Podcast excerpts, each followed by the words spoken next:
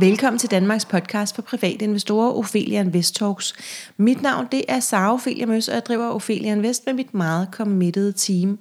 Vores mission det er at skabe rum for læring, og vores vision det er, at alle danskere ved, at investeringer er på bordet, hvis vi altså vil dem. Strukturen er, at vi udkommer cirka tre gange ugentlig her resten af september, og så kommer vi ikke mere. Vores hovedsponsorer her i 2022, det har været Nasdaq, og tusind tak til dem. Dagens tema, det er flyaktier, og jeg har fået med på en linje for fjerde gang, tredje gang på det her emne, Jakob Pedersen, som er aktieanalysechef i Sydbank. Og hej til dig, Jakob. Hej, hej. Hej. Vi talte første gang om flyaktier i december 2020, og øh, så har vi faktisk også gjort det en gang efter det. Og så tænkte jeg, at i den første af vores 5-6 særepisoder på en hel time her som afslutning på vores podcast, at flyaktier faktisk har fyldt ret meget de sidste år, særligt SAS, øh, og det fortsætter SAS jo med. Så jeg tænkte, det var en, en god idé lige at øh, simpelthen at få snakket det godt igennem. Og, øh, og det sagde du heldigvis ja til, også med et kort varsel her. Så vi har sat god tid af til det. Og Jakob, kan du ikke lige starte med at fortælle en lille smule om dig selv og din baggrund, og hvad du laver til daglig, til dem, der ikke har haft glæden af dig de tre andre gange? Jo, jeg har, øh, jeg har været aktieanalytiker i, øh, i Sydbank siden 2002 og, og dækket en meget bred vifte af forskellige selskaber. Og her taler vi altså alt fra fra mindre danske industriselskaber, som, som befinder sig et stykke uden for, for C25, øh, til, til store amerikanske IT-selskaber, øh, over, over europæiske øh, telekommunikationsselskaber og, og danske forsikringsselskaber og masser af transportselskaber. Og i dag, der er jeg så på, på, øh, på 6. år, aktieanalysechef i, øh, i Sydbank med, med ansvaret for vores aktiestrategi, og så med, med, med analyseansvar for, uh, for Vestas og ikke mindst SAS. Ja, så nogle, øh, nogle spændende danske aktier der øh, imellem Vestas og SAS. Altså jeg tænker, det er nogle af vores, øh, det man vel kalder folkeaktier. Det er det, det er det i høj grad. Jeg plejer at sige, at det jeg har ansvaret for, det er det med vinger ja. i aktiemarkedet, og så er det Vestas SAS. så, så jo, det er noget, der, det er noget, der er stor opmærksomhed omkring. På, på, på, på hver sin måde, kan du sige, fordi hvor det er sådan, at, at Vestas jo er en, kan du sige, en, en, en, en, en investorfavorit, og, og der er rigtig mange danskere, der handler i den, så, så er der jo så er der væsentligt mindre generel handel i, i SAS. Den, den er, det, det, det er en aktie, som er, som er interessant for, for nogle investorer, men som bestemt også er interessant for den, for den brede offentlighed. Og det er jo også, det er jo også en af årsagerne til selvfølgelig, at, at jeg dækker aktien, at, at, at der, der, der er masser af opmærksomhed omkring den. Ja, og det er det jo fordi, at, øh, at SAS har en lidt speciel historie, som vi vender tilbage til. For jeg tænkte faktisk, hvis vi skulle starte et andet sted. Hvorfor synes du, og nu har jeg tilladt mig at antage noget, øh, hvorfor synes du, at flyaktier er spændende? Fordi det tænker jeg, at du gør. Ja, det gør jeg, og du kan sige, det, det var jo egentlig lidt en tilfældighed, at jeg endte med at komme til at sidde og, og dække SAS. Det var, mm. det, det var tilbage i 2004-5 stykker, øh, hvor jeg havde en, en god kollega, som, som havde sagt sit job op, og så skulle vi have fordelt de selskaber, som han sad med. Og, øh, og, og, og, og, og, og da vi så nåede til SAS, jamen, så pegede pilen på mig, og, og siden har jeg så har jeg så hygget mig med det og jeg har jeg har mødt utrolig mange spændende mennesker og, og, og committed mennesker altså der, der er der, der er en, en eufori omkring det at være i, i luftfartsindustrien, som, mm. som er utrolig smittende.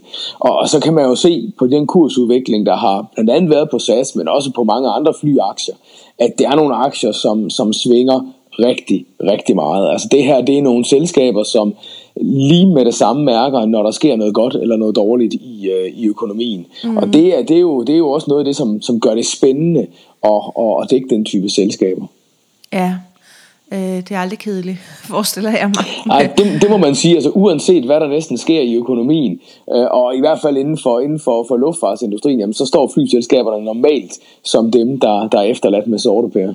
Ja, Øhm, ja, og, og det vender vi jo så også lidt tilbage til. øhm, hvor mange forskellige sådan, relevante flyaktier findes der? Fordi der er, jo, der er jo mange flere end bare SAS og Norwegian, som er dem, vi ofte snakker om. Altså, der, der findes jo nogle meget store selskaber ude i verden. Ja, det, det, det, det gør der. Og, og, og hvis man kigger eksempelvis til USA, jamen, så er der jo en, en vifte, øh, godt nok ikke, ikke så bred som i, som i Europa, men der er en vifte på en 4-5 rigtig store selskaber, som, som fylder meget, og som, som sidder på en meget, meget stor del af, af, af markedet i USA. Her i Europa, og det er, det er også de europæiske flyaktier, som jeg i høj grad beskæftiger mig med, når jeg kigger på SAS, fordi det er SAS' nærmeste konkurrenter. Mm. Uh, det, altså, det, er jo, det er jo selskaber som i først og fremmest Norwegian, men, men også selskaber som Lufthansa, Air France KLM, uh, øh, IAG, som jo blandt andet ejer British Airways og Iberia, uh, uh, og derudover så nogle af lavprisselskaberne, EasyJet, Ryanair, Wizz Air, Finnair, som er som så godt nok ikke er lavprisselskab. Men, men, men, men, men, men, men, men det er også noget af det lækre. Der er en, en nyhedsstrøm uden sidestykke fra, fra mange af de her selskaber, og det, det, det giver rigtig gode muligheder for at, for at blive klog på, hvad der, hvad der foregår i industrien. Øhm, og, og det er jo også noget af det, som, som jeg synes er, er, er fedt som, som analytiker. Øhm, og nu, nu fik du ramset nogle europæere op ret hurtigt. Der var øh, Norwegian og Lufthansa, og hvad sagde du så? France Air? Ja, så er, der, så, så er der Air France KLM. Det er jo et selskab i dag. De, de, de, de er samlet i, ah, okay. i en, en konstellation, der hedder Air France KLM Group. Men okay. det dækker jo egentlig over Air France, som er det franske flyselskab, og KLM, som er et hollandsk flyselskab med, ja. med, med, med knudepunkt i Amsterdam. Ja. Og ud, ud over det, jamen, så, er der, så er der IAG, og IAG er sådan en, en, en paraply øh, samle, samle holding-selskab nærmest for, for, for, for flere forskellige øh, flyselskaber. Øh, både, både, hvad hedder det, British Airways og Iberia og Whaling og Aer Lingus er der også noget, der hedder, som, som er ejet af, af, af IAG. Så, så det er i og for sig ret mange forskellige flyselskaber, IAG mm. ja. øhm, sidder på. Og så har vi Finnair, som, som jo netop nu har, har lanceret en, en, en ny strategi for, hvordan de skal forsøge at overleve, efter at de ikke rigtig kan flyve til Kina længere, og de heller ikke kan flyve ind over Rusland. Øhm, og, som, og som jo også i en eller anden forstand er, er en del af SAS' øh, hjemmemarked, men, men, men dog ikke så, ikke så, ikke så massiv en konkurrent som, øh, som Norwegian. Um, og så har vi den her, øh, den her vifte af, af andre lavprisselskaber, altså uh, i særdeleshed Ryanair, uh, mm. som, som jo flyver frem med, med høj fart i Europa, men også EasyJet, som, som, som jo nok er, er ikke, ikke er helt så, helt så absolut low cost som, som Ryanair, uh, men, men som nok i sin opbygning minder mere om, om Norwegian øh, i, i, øh, i form. Øh, og, og så har vi en, en, en opkomling i, i Wizz Air, som jo ud af, ud af Ungarn flyver, flyver rigtig meget og begynder at komme, komme endnu mere til, til Vesteuropa også. Så der kommer simpelthen nye selskaber stadig. Men det, det noterer jeg lige, fordi der var noget andet, jeg gerne ville spørge dig om også. Øhm, så i, øh, i USA sagde du, der er en 4-5 selskaber. Øhm, jeg tænker Delta Airlines og United Airlines ja, er nogle ja, af dem. altså det, det, det, det, det er nok dem, som er mest relevante, vil jeg tro. Men, men, men, men, men, og, men det, det, det, man skal huske, hvis det er sådan, at man, at man begiver sig ind i at investere i, i, i de selskaber, det er jo, at det er, det er et andet game i USA, end det er i Europa. I, i USA er markedet væsentligt mere konsolideret. Øhm, og og jeg, jeg, jeg, i mit daglige virke bruger jeg ikke tid på rigtigt at kigge på, hvad de her selskaber øh, de, øh, de gør, fordi meget af deres trafik, de har selvfølgelig noget transatlantisk trafik, hvor de, hvor de konkurrerer med, med, øh, med SAS, men, men en meget stor del af deres forretning, det er også indenrigs. Mm. det, det er, der er jo et gigantisk marked for indrigsflyvninger i, i USA. Ja. Hvad, hvad betyder det, at markedet i USA er konsolideret? Det, det, det betyder, at der faktisk er noget færre aktører. I forhold til, hvor meget der flyves, så er der væsentligt færre flyselskaber i USA. Og det giver, det giver dem lidt en fordel, fordi når der er færre aktører, så er der også normalt lidt mindre konkurrence. Og det gør altså, at, at hvis man kigger sådan til indtjeningsniveauet i USA, så er det væsentligt højere, end det er i, i eksempelvis Europa. Men er det ikke en god ting? Jo, det er det, og det er også, det er også derfor, jeg siger, at, at i stedet for kun at kigge på, øh, på hvad hedder det, på, på europæiske, så, så, så kunne det godt være, at man som investor indimellem skulle, skulle kigge over Atlanten, også selvom det giver en, en, en, en valutakursrisiko, som man normalt ja. ikke har i, øh, i Europa. Ja, fordi det gør det jo, det skal man huske. Ja. Og kan du ikke lige for dem, ja. der ikke ved, hvad det betyder, kan du ikke lige fortælle, hvad en valutakursrisiko er? Jo, det er jo, når det er sådan, at man køber en amerikansk aktie, så er den jo noteret i amerikanske dollar, og, og, og, og så, kan man godt, så kan det godt være, at man har gjort et rigtig godt køb, fordi aktien den stiger med 15%. Men hvis det er sådan, at dollaren den så samtidig falder med 15% over for den danske krone, ja, så når man sælger sin aktie igen, jamen, og, det, og, og både, både aktiekursen skal, skal indløses, og, og valutakursen skal veksles, jamen, så har man lige for sig ikke, noget, ikke, ikke nogen gevinst. Så, og det er en flad så, det, fornemmelse. Det, Ja, så det, det, det, det, det, det der med at investere uden for Europa, uden for euroområdet, det kræver altså lige, at man, at man også gør sig, gør, gør sig klart, at der, der er en valutakursrisiko. Hvad med nogle af de øh, asiatiske øh, flyselskaber, som øh, Singapore Airlines eller China Eastern Airlines? Ja. Ja, det, det, er, det, er også nogle af de, det er også nogle af de store, som man eventuelt kan kigge til. Jeg skal være helt ærlig og sige, at det marked derude følger jeg ikke øh, ret tæt. Det, det, okay. det, det bruger jeg ikke ret mange kræfter på. Øh, der, der, der er grænser for, hvor stort overlap der er fra de her selskaber over til, øh, over til eksempelvis SAS. Så, øh, så, så det er et marked, som, som ja, jeg vil vælge at sige, flyver rimelig meget under min radar. og, og, og, og, og, og det, det, det, det gør sig egentlig også i, ah, ikke i helt så høj grad, men i nogen grad gældende for det, der foregår nede i Mellemøsten. Der har ja. vi jo også nogle store mellemøstlige flyselskaber, Qatar, Emirates og hvad de hedder, som, som, som, som faktisk bliver hårdere konkurrenter, men, men hvor det er noget sværere at få, at få løbende oplysning om, hvad det er, der foregår øh, i, i de her selskaber, også fordi der er en vis grad af statslig indblanding dernede, ja. i væsentlig højere grad end det, vi ser eksempelvis her i, i Og det er der vel også i Kina, ikke? Og det må man sige, det må man sige. Det må man antage, tænker jeg. Ja, ja. ja. Okay, det, det, jeg spørger kun, fordi jeg lavede sådan en artikel for nogle år siden, hvor jeg, hvor jeg skrev noget om, øh, jeg tror den hed, er Norwegian virkelig det bedste flyselskab?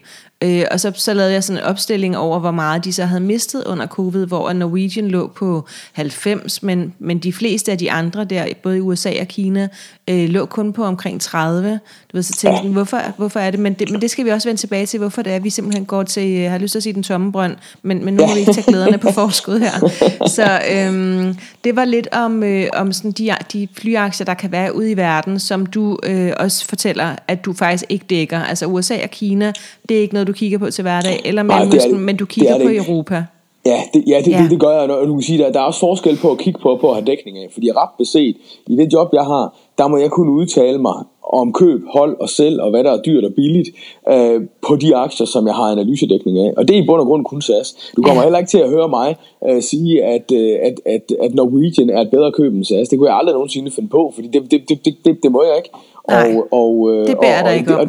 nej, og det, det, det, det har jeg heller ikke forudsætningserne for, fordi i, i alle de flyselskaber, jeg kigger på, kigger jeg på i en SAS-kontekst. Mm. Jeg plejer at sige det på den måde, at hvis jeg skal kunne sige noget begavet om, hvad, hvad skal SAS være værd i fremtiden, øh, så skal jeg jo vide, hvad er SAS' strategi, men jeg skal også vide, hvad vil Norwegian, hvad vil Ryanair, yeah. hvad vil alle de andre yeah. flyselskaber, som SAS konkurrerer med. Ellers kan jeg jo ikke vurdere fornuftigt, om der er en plads i markedet til den strategi, som, øh, som SAS lægger frem. Så det, det, er, som... det, er, det er i og for sig alt sammen i SAS sammenhæng. Jeg kigger yeah. på de andre flyselskaber. Yeah. Og så fik du lige opsummeret øh, der, hvad det er, en aktieanalytiker laver.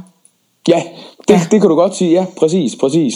Kigger, på, kigger på selskabet, kigger på alle deres konkurrenter andre leverandører og kunder, øh, vurderer, hvad, hvad kan de tjene i fremtiden, hvordan bliver pengestrømmene, og forsøger at finde ud af, hvad, hvad betyder det så, at aktien den skal være værd, og så skriver vi en, så skriver en analyse på det. Ja. Hvad kan du så fortælle om de skandinaviske aktier? Øhm, du, du må gerne starte med SAS. Jeg tænker, du også har en, en, en altså, ved en masse om Norwegian. Øhm, og, og du må starte, hvor du vil, tænker jeg. Ja, man kan jo sige, at, at SAS er jo, har jo været en periode lidt været humlebien som, øh, som, som ikke vidste, at den ikke kunne flyve. Øhm, øh, I hvert fald i de sidste 4-5 år op til corona. Altså SAS er jo et, skandin- et mellemstort skandinavisk øh, netværksselskab, og når, når jeg siger det, så, så, så, så, så, så når jeg siger mellemstort, så betyder det, at man er ikke så stor som de største. Det vil sige, at man, man mangler simpelthen nogle volumenfordele. Det der med, at, at, man, at, man, at man betaler stort set det samme for IT, som mange af de andre øh, selskaber gør. Øh, man har højere faste omkostninger, fordi man ikke, fordi man ikke har så, så mange passagerer som de andre. Så det, det, er ikke, det er ikke rigtig godt at være mellemstor. Det, det handler om, at man sidder lidt mellem nogle stole. Når man mm. samtidig så er skandinavisk og vælger at flyve ind og ud af Skandinavien, så giver det nogle højere omkostninger end, øh, end det, hvad hedder det, øh, de andre flyselskaber, de har, fordi vi bare i Skandinavien har højere lønomkostninger, end, end man har alle andre steder i Europa. Så det er en anden strukturel ulempe, SAS har. Og så er man netværksselskaber, det er man jo, fordi det har man altid været. Uh, man er ikke et lavprisselskab, der kun flyver fra A til B. SAS er et, et kompliceret, en kompleks størrelse. Man, man har aktiviteter i tre lande, og man har et knudepunkt i København, hvor man skal sørge for, at flyene de altså kommer ind til det knudepunkt med en masse passagerer, som man så kan tage med ud af knudepunktet i nogle endnu større fly. Uh, enten videre ud i Europa eller videre ud til, til Asien og, og USA. Og det, det giver en meget kompleks forretning, og det er rigtig, rigtig dyrt. Øh, det, derfor så er, man, så er man egentlig, fordi man er netværksselskab, også et selskab, der bare sådan har mere kompleksitet og, og generelt har højere omkostninger end, øh, end, end, end lavprisselskaberne eksempelvis.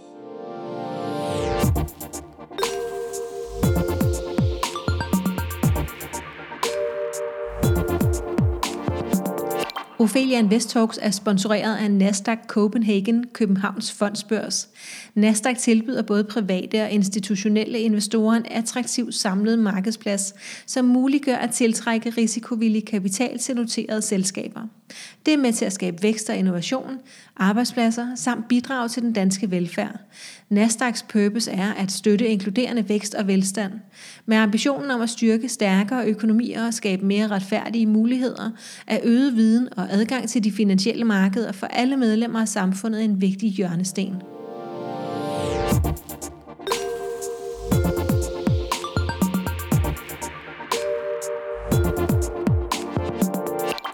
Så når det er sådan, at jeg siger, at SAS er et øh, mellemstort skandinavisk netværksselskab, så giver det altså en masse strukturel modvind. Det vil sige høje omkostninger på en masse områder, som i og for sig gør det sværere for SAS at tjene penge. Derfor så var det egentlig også øh, ganske imponerende og lidt humlebiagtigt, at man i de sidste fem år op til corona faktisk formåede at tjene penge. Øh, og, og jeg ser lidt SAS' SAS' position i det skandinaviske og i europæisk luftfart, som, som retfærdiggjort af, at selskabet faktisk har et produkt, som der ikke rigtig er andre, der, øh, der kan kopiere, og som der heller ikke er andre, der vil kopiere. Øh, de kan ikke kopiere det i øjeblikket, fordi de har, de har ikke lyst. SAS, SAS har bare et mere fint masket netværk ind og ud af det skandinaviske område, særligt tilpasset de forretningsrejsende. Øhm, og og, og, og når, når du har et unikt produkt, øhm, så, så har du også i en eller anden form en fordel i markedet, i hvert fald hvis du kan tjene penge på det produkt. Det har man jo så historisk haft meget svært ved på grund af nogle meget høje omkostninger, og det vil man så i øjeblikket øh, bokser man igen nu med at, at bringe ned for at sikre, at man kan begynde at tjene penge på, øh, på det her produkt. Men, men SAS' eksistensberettigelse i min verden, det er, at man har et produkt, som ingen andre kan øh, eller vil øh, kopiere i, øh, i Skandinavien. Og det, øh, man, man, man er bare nødt til at finde frem til en formel, hvor man så kan tjene penge på det produkt. Men Øhm, og så må du rette mig, hvis jeg tager fejl, fordi øh, jeg tænker egentlig, det lyder, det lyder ret positivt, øh, at, øh, at der ikke er nogen andre, der vil have det, men det er jo fordi, at det er så svært at tjene penge på det, de gerne vil tjene penge på, at der ikke er nogen andre, der, øh, og nu siger jeg det meget groft, vil røre det med en ildtang. Øhm, ja. Og det er jo ikke en optimal forretningsstrategi, er det? Nej, det er det, er det ikke. Og så kan man sige, hvad, hvad er SAS' muligheder så i det her marked? Jamen, er det at forsøge at slå ind og så blive, blive rendyrket lavprisselskab? Altså, så, så, så maser man sig ind i et marked, hvor der i for, som i forvejen er overbefolket af, af, af flyselskaber, som er ekstremt dygtige til det, de laver. Mm. Og det, det, det, det ser jeg heller ikke som fremtiden. Men det her det er et marked, som er svært. Og, vi kommer også ind på, hvad, hvad, øh, senere, hvad corona har gjort ved det her marked, for mm. det har mm. bestemt heller ikke gjort, gjort livet lettere for, for SAS. Det kan være, du skal, kan du prøve at sætte lidt ord på Norwegian, selvom vi er med på, at det ikke er en, du dækker, ja, ja. men bare en konkurrent, du ja, kigger på? Yes, uh, man kan sige, at, at, at Norwegian er jo, er, jo, er jo i modsætning til SAS, som er et meget, meget gammelt og hedder selskab, som fløj dengang, at det var meget eksklusivt at flyve, så er Norwegian jo et ikke helt så, så, så gammelt selskab, som, som egentlig er blevet født ud af nogle, luftfarts, nogle dygtige luftfartsfolks syn på, at det her det må kunne gøres bedre. Uh, der skal en konkurrent til SAS, fordi SAS har for høje omkostninger, og vi, vi kan tjene penge på det. Og det gjorde Norwegian jo egentlig i mange år, hvor man lige så stille åd sig ind på SAS' forretning. Øhm, øh, så fik man øh, tilbage i, øh, i 2000-tallet, der, der, der, der fik man, eller i nullerne, hvad vi skal kalde det, fik man storhedsvandvid. Og man troede, at man kunne øh, skabe en forretning, hvor man også kunne til at flyve langdistance.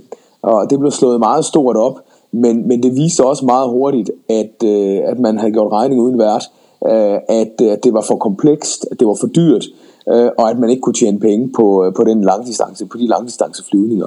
Og det var jo det, der, der i forbindelse med, med at corona faktisk ramte, øh, i nogle år før havde kastet, havde kastet Norwegian ud i en massiv indtjeningskrise øh, at man simpelthen ikke, øh, ikke kunne tjene penge. Og, og derfor så var Norwegian igennem ikke bare en, men to rekonstruktioner igennem de par år, som, som corona virkelig øh, Øh, hvor, hvor corona hervede. Og det, øh, det er så det, der gør, at selskabet er der, hvor de er i dag, med en kraftig nedskaleret forretning.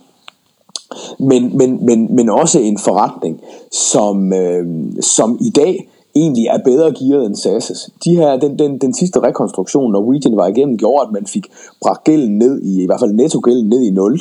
Øh, der kommer SAS ikke hen med, med, med, med den mm. rekonstruktion, som de står overfor. Øh, og, og man fik lavet nogle meget attraktive aftaler med, øh, med, med leasingselskaberne om, at man kun skulle betale for flyene, når de var i luften.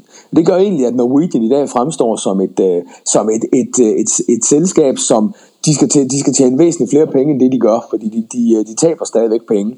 Men, men, men, men, men fremtiden ser mere lys ud for Norwegian, for det er et selskab, som strukturelt, øh, og, og, og også når man kigger på, på det finansielle, er ved at være på plads. Øh, nu mangler man så bare, at, at markedet bliver endnu bedre for lufttrafik, så man kan begynde at tjene penge hen over de næste kvartaler. Har Norwegian det samme, sådan det der fintmaskede net, du snakkede om, at SAS har i Skandinavien? Det, det, det, øh, de har det jo i, i nogen grad, men, men, men ikke ud i verden. De har det, de har det mellem de nordiske hovedsteder, øh, men, men, men ellers har de ikke. Så, så vi, vi kan ikke betragte Norwegian som et, som et netværksselskab i den forstand. Øh, det er stadigvæk et, et lavprisselskab, øh, og, og, og det, det er der, hvor det er sådan, at de her selskaber, de adskiller sig. Køber du en SAS-billet, så kan du næsten komme, komme derhen i verden, hvor du gerne vil, øh, uden at du skal tænke over, om du skal have fat i din bagage igen. Øhm, det er, det, det er, er en, en kæmpe styrke ved SAS, fordi man, man også er en del af den øhm, alliance, der hedder Star Alliance, hvor man, hvor man samarbejder med rigtig mange andre flyselskaber, blandt andet nok, nok mest kendt her øh, i Europa, Lufthansa. Øhm, så, øh, så, så, så, så der har SAS altså stadigvæk en, en, en, øh, en, en forretning, som, som er tilpasset nogle andre end, end Norwegians. Og, og, og det, kan du ikke lige øh, sætte hvad hedder det, forskellen op på et netværksselskab og et lavprisselskab? Det lyder som om, at de er modstillet. Kan ja, det, det, det, det, er, det er det i en eller anden grad. Altså, øh, netværksselskabet, de, øh, de flyver ind til et knudepunkt. Øh, øh SAS' store knudepunkt, det er jo København. Og der, der, der, der har man en, en masse byer, der ligger i Skandinavien, hvor man i, i relativt små fly flyver ind til København med en masse passagerer, og så flyver man dem videre ud af København i nogle store fly langt ud i verden. Øh, og og det, det, det er ikke en, hvad kan man sige, en model, som Norwegian arbejder efter. Uh, i, i, i, kan, man, kan, kan, du, kan du sige, i nær samme udstrækning. Uh, men, men, men, men for at styrke sig har Norwegian jo lavet samarbejde med, med, med norske Nors, som har langdistanceflyvninger og okay. som, øh, og, og så man, så man derigennem egentlig får et, et element af det samme, som, øh, øh som SAS har. Men, men, men man forsøger at holde Norwegian-forretningen ukompliceret ved den her mm. gang ikke selv at gabe over det at flyve langdistance. Det var det, man, ja. det var det, man var lige ved at dø på øh, for, for nogle år siden. Ja, så de prøvede at lave en, en rigtig kopi af SAS og, og fejlede? Ja, ja, det kan du sige. De prøvede at lave en lavpriskopi af SAS, men, ja. men, men, men fandt ud af, at lavpris hænger ikke sammen med at flyve, at flyve, øh, flyve hvad hedder det, langdistance, samtidig med, at du også er, er, er, er kort- og mellemdistance lavprisselskab. Nej, det er måske det der med, hvis man skal flyve 10 timer, ikke? Altså, så er det faktisk øh, ekstra træls, hvis der ikke er noget plads til benene. Det er det, og der, og der, er, der er bare meget, meget høj kompleksitet, når det er sådan, at du skal til at samle folk op et sted. Du, du, du skal have mm. flyvninger, som er tilpasset. Altså det, det, det, det, det, det kræver en helt speciel fly, øh, flyplanlægning, hvis det er sådan, at du skal have sådan et knudepunkt til, og, og netværksforretning til at fungere. Øh, og det, det, det er omkostningsmæssigt meget tungt. Og så sagde du det her med, at uh, SAS var med i det, du kaldte uh, Star Alliance, eller ikke du kaldte det, jeg tænkte, det hedder det ja, ja, officielt. Ja. Uh, og det betyder, at, at vi så kan tage et fly fra Oslo til København, og så lad os sige fra øh, København, kan vi så rejse videre med Lufthansa, og ja, vores kuffert følges ja, med os. Ja, du, du, du kan i hvert fald sige, at, at hvis det er sådan, at du sidder i, uh, i, i uh, i, i en by i Skandinavien og gerne vil til en eller anden by et mindre sted i eksempelvis USA, så kan du faktisk øh, gå, gå på SAS' hjemmeside og så købe en billet, der tager dig hele vejen fra den, fra den nærmeste lufthavn, hvor SAS flyver, og så til den, til den lufthavn i USA. Fordi SAS samarbejder ikke kun med europæiske, men også med, med, med øh, amerikanske og, og asiatiske flyselskaber, altså flyselskaber over hele verden.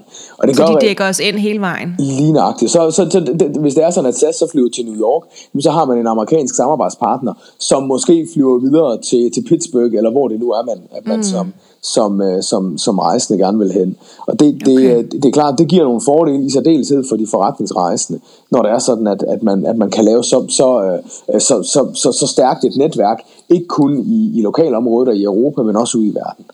Ja, Hvorfor, øh, hvorfor er det, at vi danskere, og potentielt også øh, øvrige skandinaver, det ved jeg ikke noget om, og det kan du måske fortælle, om de gør. Hvorfor er det, at vi danskere, vi investerer i, i særligt Norwegian og SAS, når der findes så mange andre flyselskaber, som øh, i virkeligheden måske klarer sig øh, bedre, og har nemmere ved at klare sig bedre? Altså, jeg tror, det, det handler først, om frem, først og fremmest om kendskab og nærhed. Altså vi, øh, vi ser jo det samme, når det er sådan, at man ser på, på hvad det er for nogle, for nogle aktier, der ligger i depoterne hos danskere, så er der jo bare en kæmpe overrepræsentation af danske aktier. Øh, fordi mm. det, er nogle, det er nogle selskaber, som vi har et forhold til, og, og, og som vi derfor også føler, at vi ved noget mere om, end vi gør om de flyselskaber og, og andre selskaber, som, som ligger ude i Europa eller ude i resten af verden. Øh, og det er, det, det, det er egentlig den eneste, den eneste gode forklaring på, at, øh, at, at det er SAS og Norwegian, som, som danskerne øh, primært investerer i. Øh, nu kan man sige, at, at når, når det er sådan, at man kender lidt til historien, og, og ved, hvor, hvor, hvor let det er at tabe penge på, på luftfartsinvesteringer, så kan man sige, mm. så giver det måske også meget, meget god mening, at danskerne ikke bare er, at det, at det ikke bare er udenlandske flyselskaber, man kaster sig over, men, men at man holder sig til noget af det, som man føler, man, man ved lidt om øh, herhjemme i, i lokalområdet. Øh, jeg, vil, jeg vil i hvert fald være, være, være, være, være bekymret, hvis det var sådan, at danskerne i stor, i stor stil kastede sig over noget, der i hvert fald historisk har vist sig at være så dårlig en investering som luftfartsaktier ude i Europa. Der, der, der, der, der, der kan vi godt være glade, hvis det er sådan, at det er nogle andre typer af aktier, som danskerne vælger at investere i, når de kigger uden for, for, for Danmarks mm. grænser. Ja. Hvad, hvad er det, øh, det er jo som om, at vi ligesom er født med en tillid til SAS. Øh, hvad, er det, hvad er det der for, øh, ved SAS, der får os til at blive ved med at tro på dem?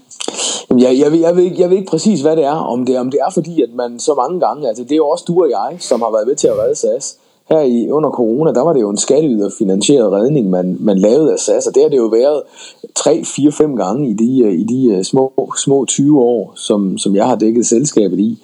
Øhm, det er skatteyderne, og det er staterne, som har stået bag SAS, øh, og det er jo noget, som, som nu ser ud til at, at være på vej til at i hvert fald i nogen grad ændre sig for Ja, fordi øh, Norge og Sverige har trukket sig nu, ikke også? Altså, og jo, du, er det bare jo, den danske stat? Jo, de har i hvert fald, altså, de har jo, både Norge og Sverige har jo igennem en lang periode haft en strategi om, at de vil ikke være langsigtede ejere af SAS. Øh, det, Norge har sågar haft solgt alle sine aktier i SAS, men bliver nu tvunget ind i, i at være aktionær i SAS igen, fordi man har lånt SAS penge, som SAS ikke kan betale tilbage, og, og, og, og, og, og det, er så, det er så gæld, som bliver vekslet til aktier. Så, så nordmændene bliver, bliver faktisk, det, det er jo lidt sådan lidt paradoxalt, rent faktisk med ejer af SAS igen nu. Øh, Svensk, ufrivilligt. Ja, ufrivilligt, det, det er jeg sikker på. Øh, svenskerne, som, som gerne vil ned i ejerandel, i, øh, i SAS, må også veksle gæld til, til, til aktiekapital og, og forblive aktionærer i, i SAS. Hvorimod vi her i, i Danmark, hvor, hvor vi jo også har en Københavns Lufthavn og masser af arbejdspladser der, og, og, og tage hensyn til, i, i langt højere grad bakker op om SAS og ønsker mm. at skyde, skyde flere penge i, øh, i SAS. Ja, vi har en særlig interesse. Kan du prøve at fortælle lidt om den der særlige interesse, som, som, som den danske stat har i SAS?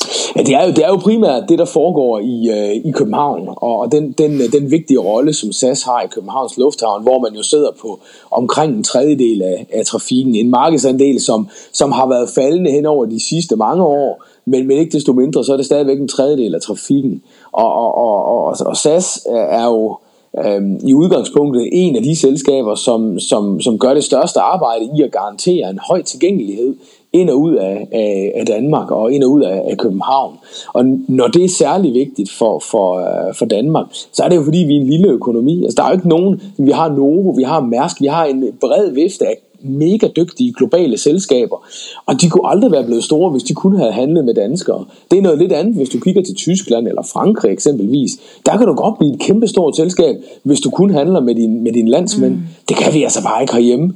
Øh, så, så, så, så når det er sådan, at vi har de, de gigantiske erhvervssucceser, som vi har herhjemme, så handler det jo om, at vi har været, at vi har, at vi har været dygtige til at handle med udlandet. Og det, det er vi kun, fordi vi har en høj tilgængelighed, at vi kan komme ud, og at udlandet kan komme til os. Øh, så, så, så, så derfor er tilgængeligheden i Københavns Lufthavn så, øh, så vigtig. Og det, det, den, den står SAS i hvert fald nogenlunde som, som, som garant for.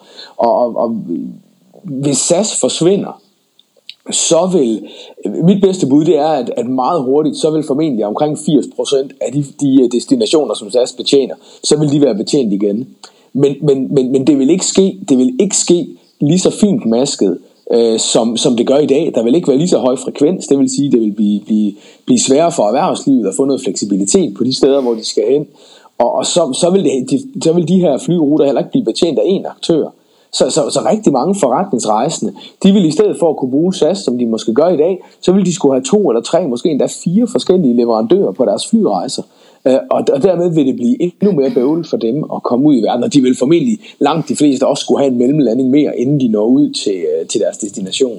Så, så derfor er, er SAS relevant, men det er jo ikke sådan, altså, jeg skal heller ikke sidde her og foregive, at, at verden, at, at, at dansk økonomi vil skvatte sammen, hvis SAS ikke eksisterer. Meget, rigtig meget af det SAS flyver, det vil, blive, det vil man komme til at flyve igen, og formentlig inden for 6-9 måneder, så vil alle destinationer være, være, være erstattet. Det er ikke sikkert, at de vil være erstattet med lige så høj frekvens, altså lige så mange daglige eller ugentlige afgange, som, som man har i SAS, men, men vi vil jo stadigvæk kunne komme, kunne komme til, de, øh, til, til de mest brugte destinationer uden problemer og, og, og, med, og med relativt høj frekvens.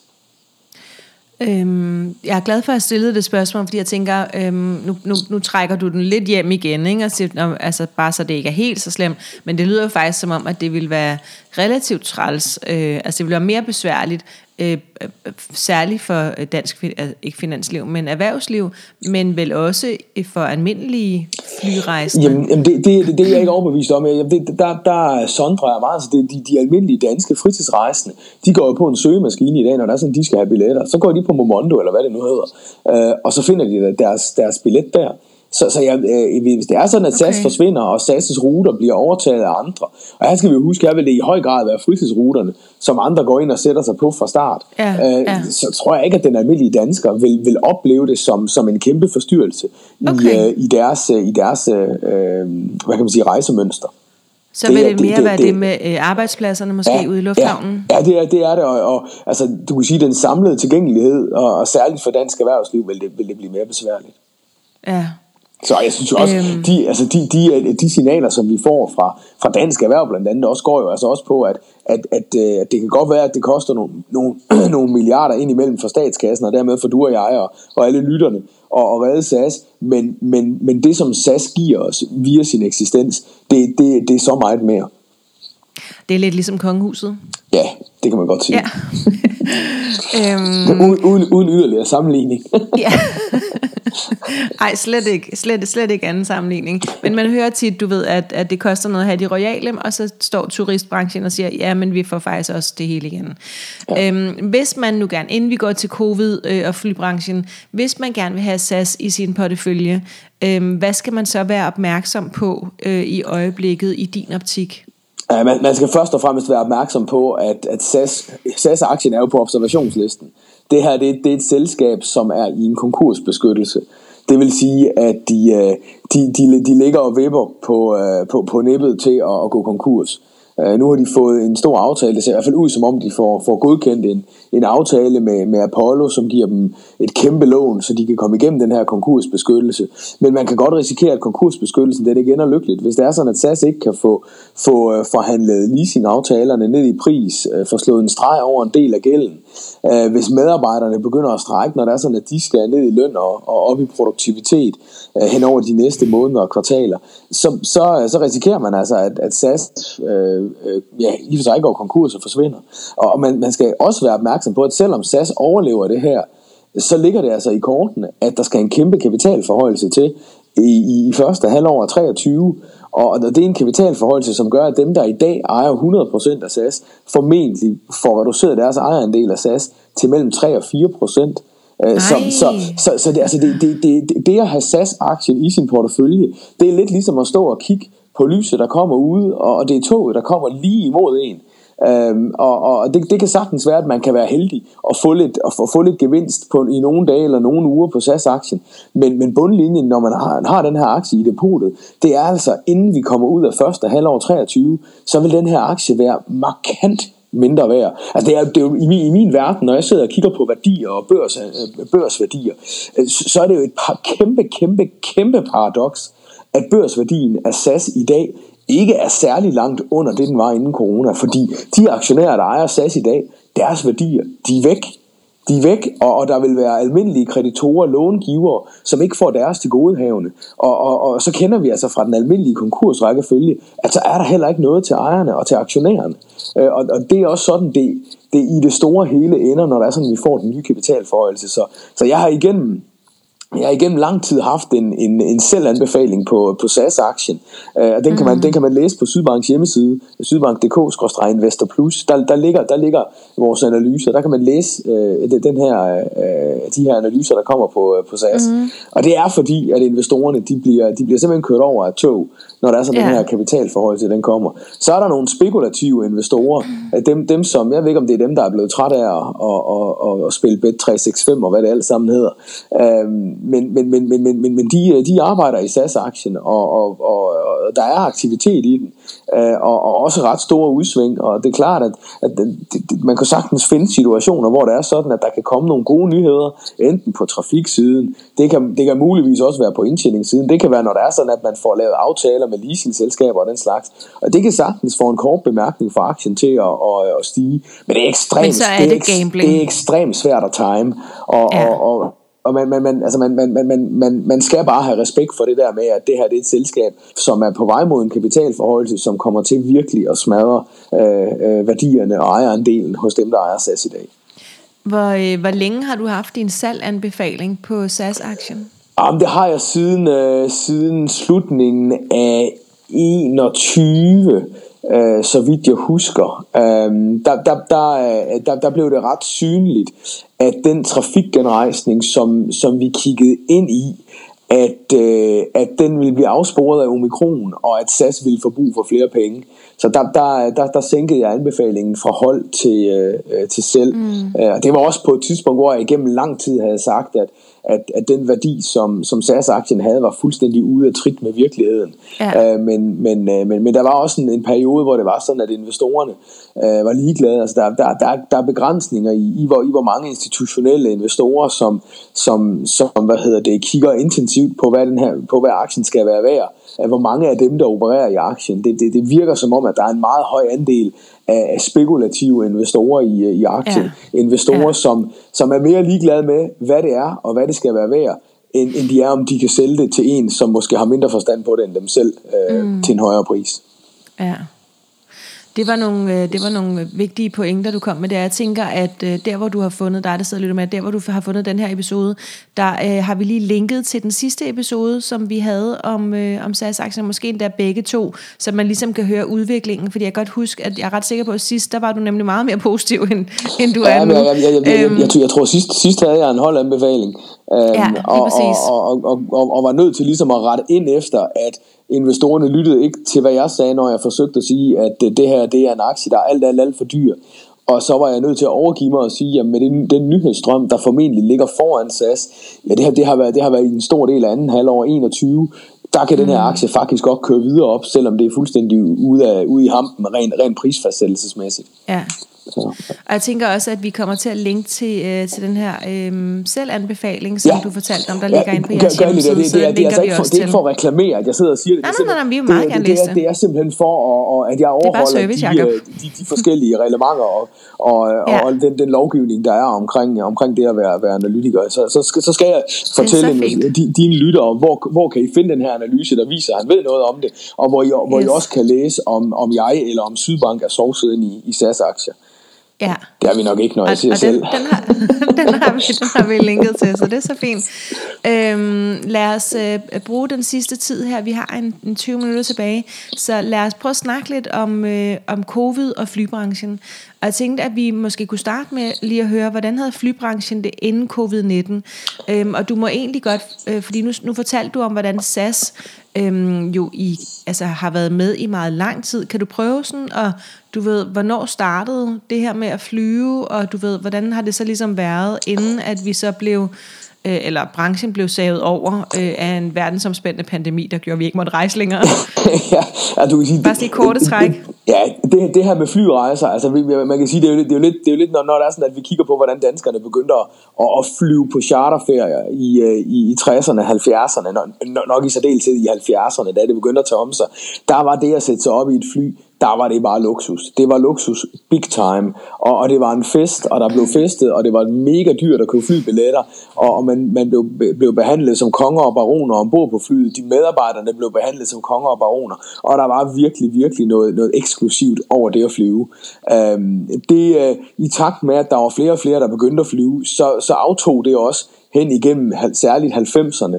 Og, og på et tidspunkt, så, øh, så, så, så, så, så blev det så givet frit, så det ikke bare var statsselskaber som Lufthansa, SAS, British Airways, Air France og KLM, som kunne flyve, men at det faktisk blev givet frit, så, så, så, så almindelige private selskaber kunne få lov at flyve. Og det var der, hvor vi så den her, det her inflow af, af, af lavprisselskaber, som pludselig, som pludselig sad og tænkte, at, øh, at de der store netværksselskaber, øh, de statsejede, eller tidligere statsejede, de, øh, de havde godt nok, de havde godt nok ikke, ikke, ikke gjort deres arbejde godt nok. Og så kom lavprisselskaberne, og, og det, det var jo en, en gevaldig godmorgenvækning til alle netværksselskaberne.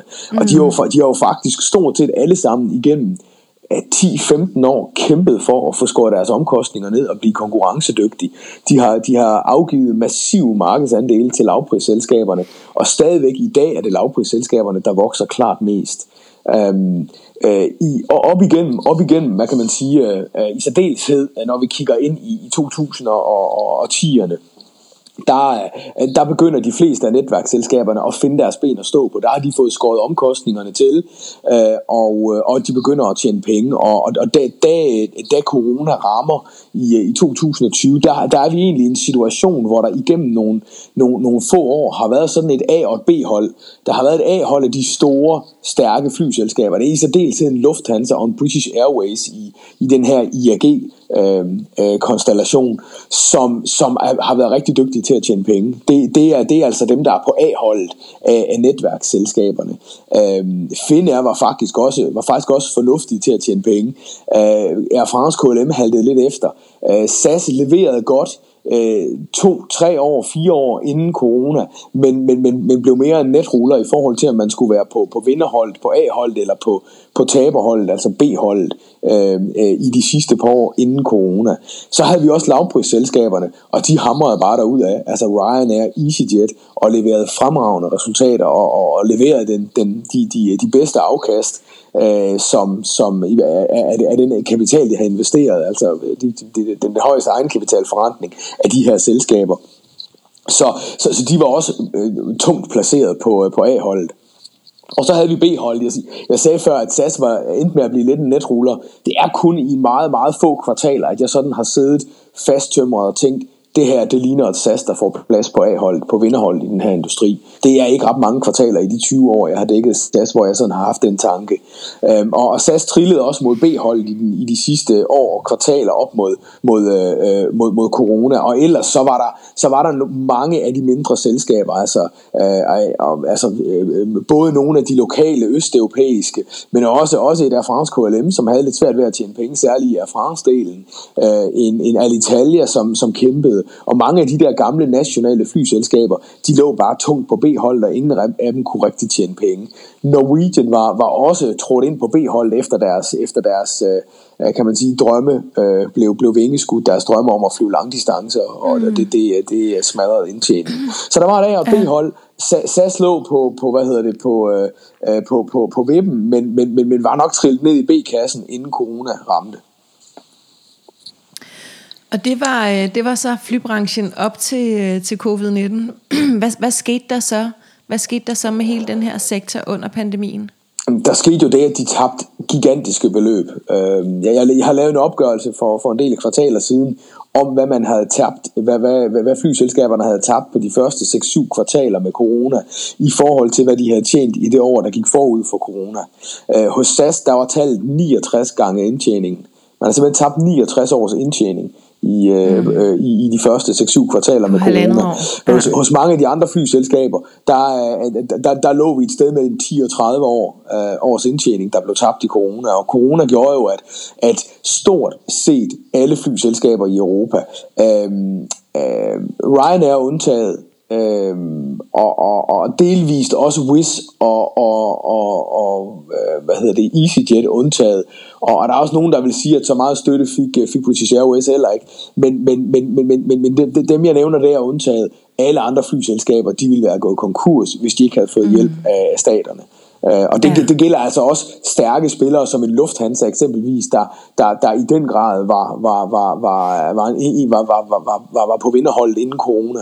Øh, så så, så jeg, jeg plejer lidt at sige, at, at stort set hele luftfartsbranchen den ville være udraderet, hvis det ikke havde været for statsstøtte under corona. Så hårdt ramte det her, altså de her selskaber. Mm. Og, og mange af selskaberne havde jo også høj gæld på vej ind i, øh, i corona, og det gjorde altså, at, at, at det her det kom til at gøre ekstra, ekstra ondt. Også på et, et selskab som eksempelvis SAS. Så, så mange steder har staterne været med inde, og de har, de har skudt penge i selskaberne. Øh, der er andre, de her, selskaberne har måttet låne sig til, øh, til, til at overleve også. Øhm, og, og nu begynder man at nå en situation, hvor man så småt kan begynde at betale af på, på de her lån. Lufthansa eksempelvis har jo haft den tyske stat inde i bestyrelseslokalet igen, efter at, at man ellers ikke var, var, var, var statsejet før corona. Og det har været så magtpåliggende for Lufthansa at få tilbagebetalt den, den hjælp, man har fået, så man kunne få skubbet, skubbet hvad hedder det, øh, staten ud af bestyrelseslokalet igen. Mm. Og det, det, det, ja. det, det har man så også lykkedes med. Så, så, ja. så, så, så øh, stort set hele fly, flyindustrien ville have været, have været grundstødt, hvis, øh, hvis, hvis de ikke havde fået hjælp. Og så kan man sige, at, øh, at det er jo øh, som udgangspunkt ikke godt, hvis man har brug for øh, hjælp fra staten til at fortsætte sin butik. Men det var jo ikke kun luftsektoren, der øh, fik hjælp. Nej. Det har jo også været alle andre selskaber. Ja, det, det, det, det har det jo. Virke, virkeligheden er jo, at hvis man ikke havde hjulpet flyselskaberne, så har der formentlig kun været 3-4 flyselskaber tilbage i dag. Og, og de tabte også mange penge under corona. Og de ville jo ikke have penge til at gå ud og købe de fly, som, som var blevet til overs fra alle de andre selskaber, der gik konkurs. Mm. Så hvis man ikke havde reddet de her flyselskaber, så havde vi slet ikke haft et luftfartsmarked i dag, der, der lignede det, som vi havde inden. Så ville der have været meget, meget, meget færre fly i luften her. Vi snakker formentlig mm. med, med, mellem 15 og 25 procent af de fly, vi havde i dag, for der, der vil ikke være andre, som, som, som havde penge til det, øh, og, og de ville, de ville være, være, være gået konkurs. Og det er klart, Ryanair, de, kan jo ikke, de har jo ikke penge, selvom det er et stærkt selskab, så har de jo ikke penge til at gå ind og købe fly for, for, for, for, for, for, for, for 60 eller 70 procent af, af, hele, af hele industrien. Nej, altså tænker jeg, at der er nogle øh, miljøforkæmper, som vil tænke, det ville da være altid, hvis vi kunne skære 75 procent af flyene væk øh, øh, fremover. det er rigtigt, det er men, men resten af os er jo faktisk ikke villige til at, øh, at, at tage det kompromis nu. Øhm, I hvilken grad er flybranchen så kommet godt igen? Det er det jo Eller i, i gang nogen, igen, undskyld. I, altså jeg vil sige i nogen grad, det, det, det, det er faktisk stadigvæk for svært at gøre fuldstændig op.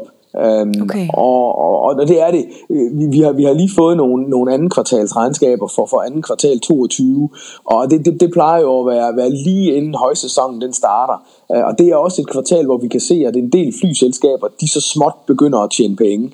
Men vi kan også se, at det er altså de færreste af dem, der gør det på, på, på flytrafikken. Det, det, det er selskab, det, det, det er de bedste lavprisselskaber, altså eksempelvis uh, Ryanair, som tjener penge på deres flytrafik.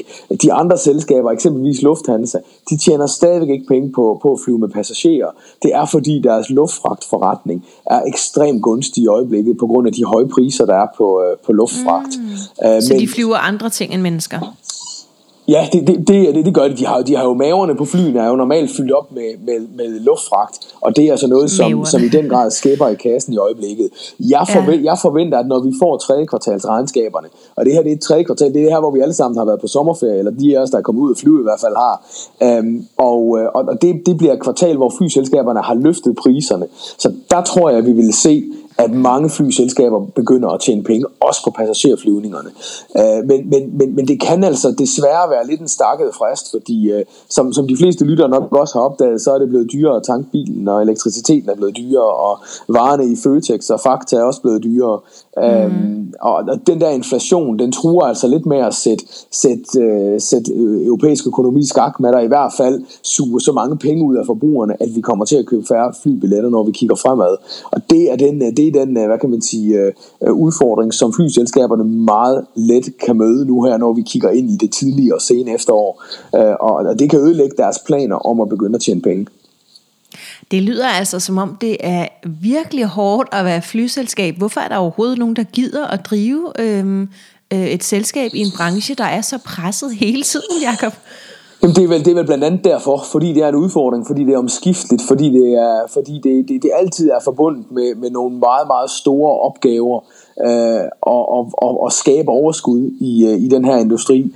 Flyselskaberne ligger jo i, i, i værdikæden der, hvor de altid bliver ramt øh, uanset om det er vulkanaskeskyer, mm. eller om det er strækker hos flyvelederne. I, øh, øh, eller så, som, inflation. Ja, ja, eller inflation, eller strækker hos uh, security-personalet i lufthavnene. Det er altid flyselskaberne, der lider mest. Og hvis man går ind og ser på, hvor mange penge eksempelvis SAS har tabt, på, på corona i forhold til sådan noget som Københavns Lufthavn, så vil man jo også se, at, at SAS står med langt, langt, langt, langt det største underskud. Så de er bare et udsat sted i, sted i værdikæden. De, øh, de køber fly af, af, af, af to, tre, øh, af oftest to st- kæmpe store fly, øh, flyproducenter. De, øh, de, de, de lander og letter hos, hos, luft, hos, hos lufthavnenes lokale monopoler, og det, det gør bare, at de er et, et meget, meget udsat sted. Øhm, og jeg, jeg tror, når, når, der, når der er så mange, der gerne vil investere i det og bliver ved, så handler det, så handler det jo om udfordringen i det her. Og så handler det også om, at, at der stadigvæk er noget farverigt og noget, noget lidt ekscentrisk mm. over, uh, over det at, at, at være inden for den her industri. Og det er nogle farverige og, og meget, meget engagerede mennesker, som jeg møder, når, når jeg er rundt i både i Danmark og, og i Europa og snakker med, med, med mennesker inden for den her industri. Ja, så, så der er noget eventyr, der, der ligesom på en eller anden måde trækker det videre, uanset. Det ja. Og så måske også, at vi jo øh, rigtig mange af os godt vil flyve et eller andet sted hen. Så, så man kan sige, de har jo også en, de har jo et produkt, som vi gerne vil købe, og så kan det godt være, at vi ikke har råd til at købe øh, lige så meget hele tiden, som vi gerne vil. Men, men det er jo et eftertragtet produkt, alt andet lige. Det er det, er det meget, og, og, og spørgsmålet er, og det, det ved vi jo ikke endnu, men vi kan jo sagtens have en situation, hvor, hvor, hvor det er sådan, at skandinaverne vil blive ved med at prioritere ferien, øh, og blive ved med at mm. prioritere det at rejse.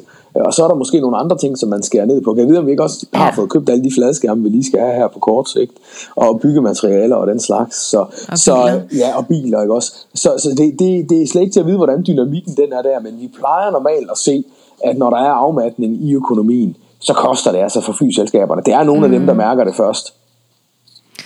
Øhm, så nu nævnte du, at der var et A-hold, og der var et B-hold, og der var nogle stærke spillere, og nogle, der havde det lidt svært.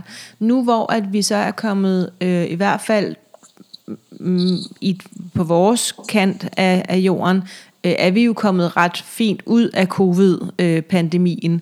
Øh, og jeg er med på, at den stadig raser i andre dele af verden. Men, men kan man sige, at vi på en eller anden måde er kommet lidt ud af af pandemien, eller hvad, hvad, hvad siger du der? Jeg, jeg synes egentlig godt, vi kan sige, at, at vi er kommet lidt ud af pandemien, men, men, men, okay. men, men, men for flyselskaberne, der er, der, der, der er skyggerne altså stadigvæk lange, men, men man skal ja, huske... Ja, og det var nemlig dem, jeg ville spørge ja, ind til. Ja. Så, så er, der, er der nogle af de her fra A-holdet, som er, altså er der nogen, der har byttet plads? Det var egentlig der, jeg ville hen til. Altså, hvis jeg skal give, hvis jeg skal give et overordnet svar på det, så må det egentlig være stort set nej. Fordi okay. de, de, de selskaber, som er kommet stærke ind i corona med forretningsmodeller, der har fungeret med høj indtjening, med lav gæld. Det er også dem, der er kommet bedst igennem krisen. Uh, og det, det er dem, der vinder markedsandele nu.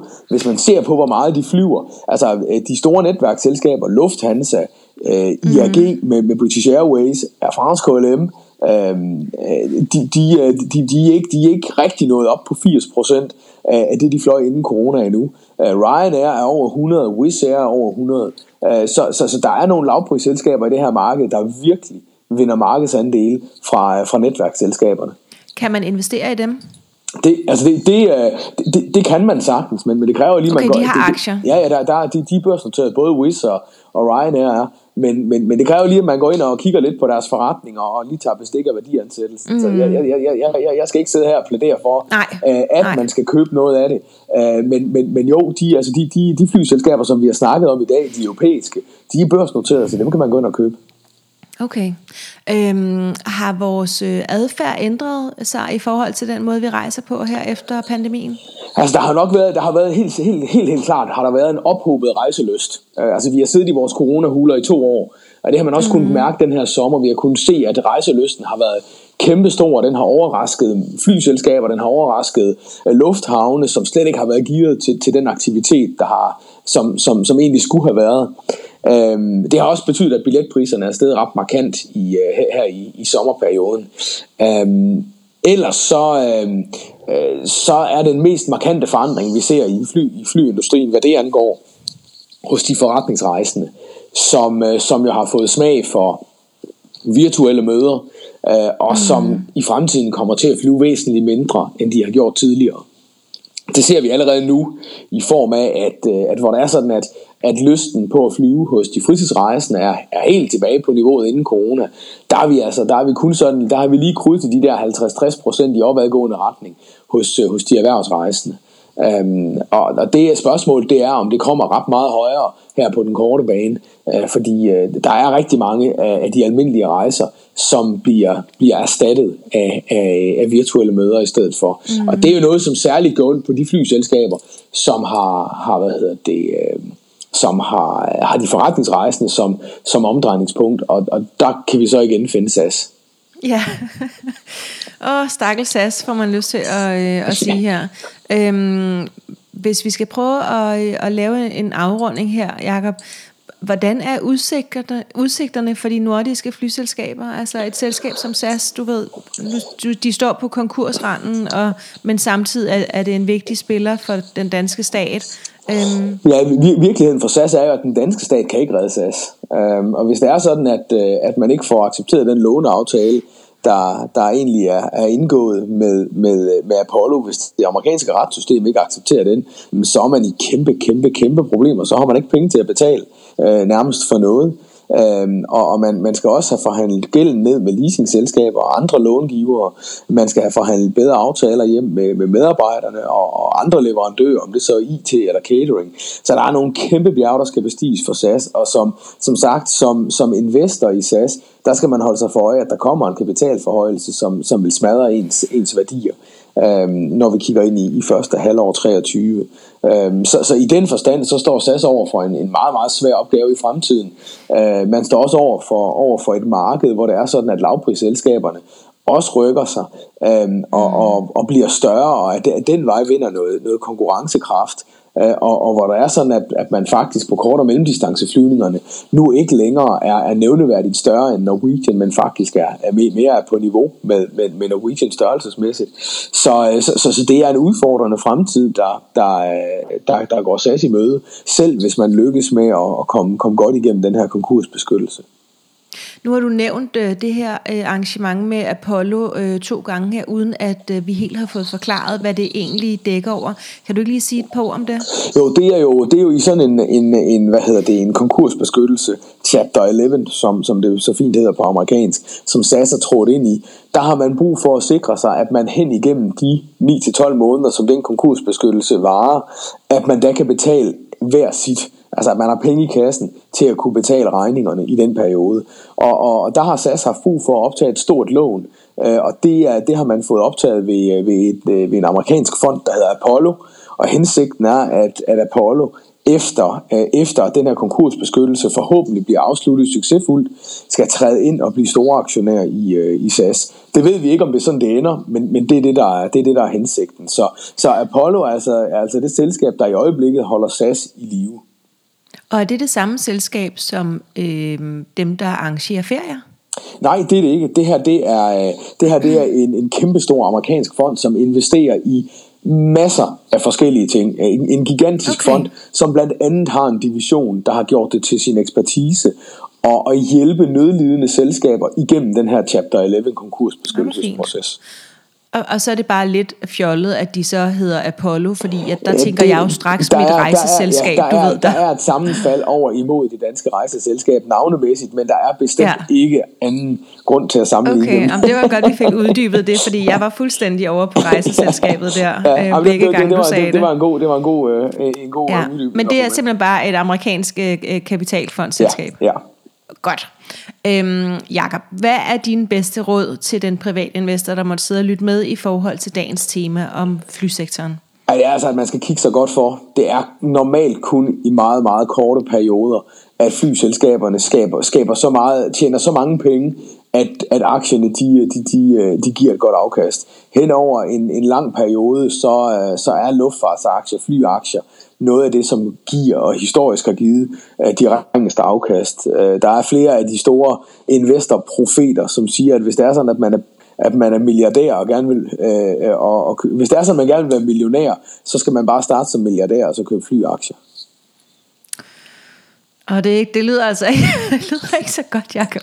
Nej, så, det, det, er, det, så, det, det, det, det, det, det er højspekulativt. Det er det altså. Ja, det var nemlig det, jeg ville øhm, frem til. Så, ja, så hvis man, det, det er måske ikke så meget en investering, det er spekulativt, hvis man synes, at det er spændende at sidde og følge med i en aktie, der går meget op og ned, øh, og har råd til at miste alle de penge, man investerer.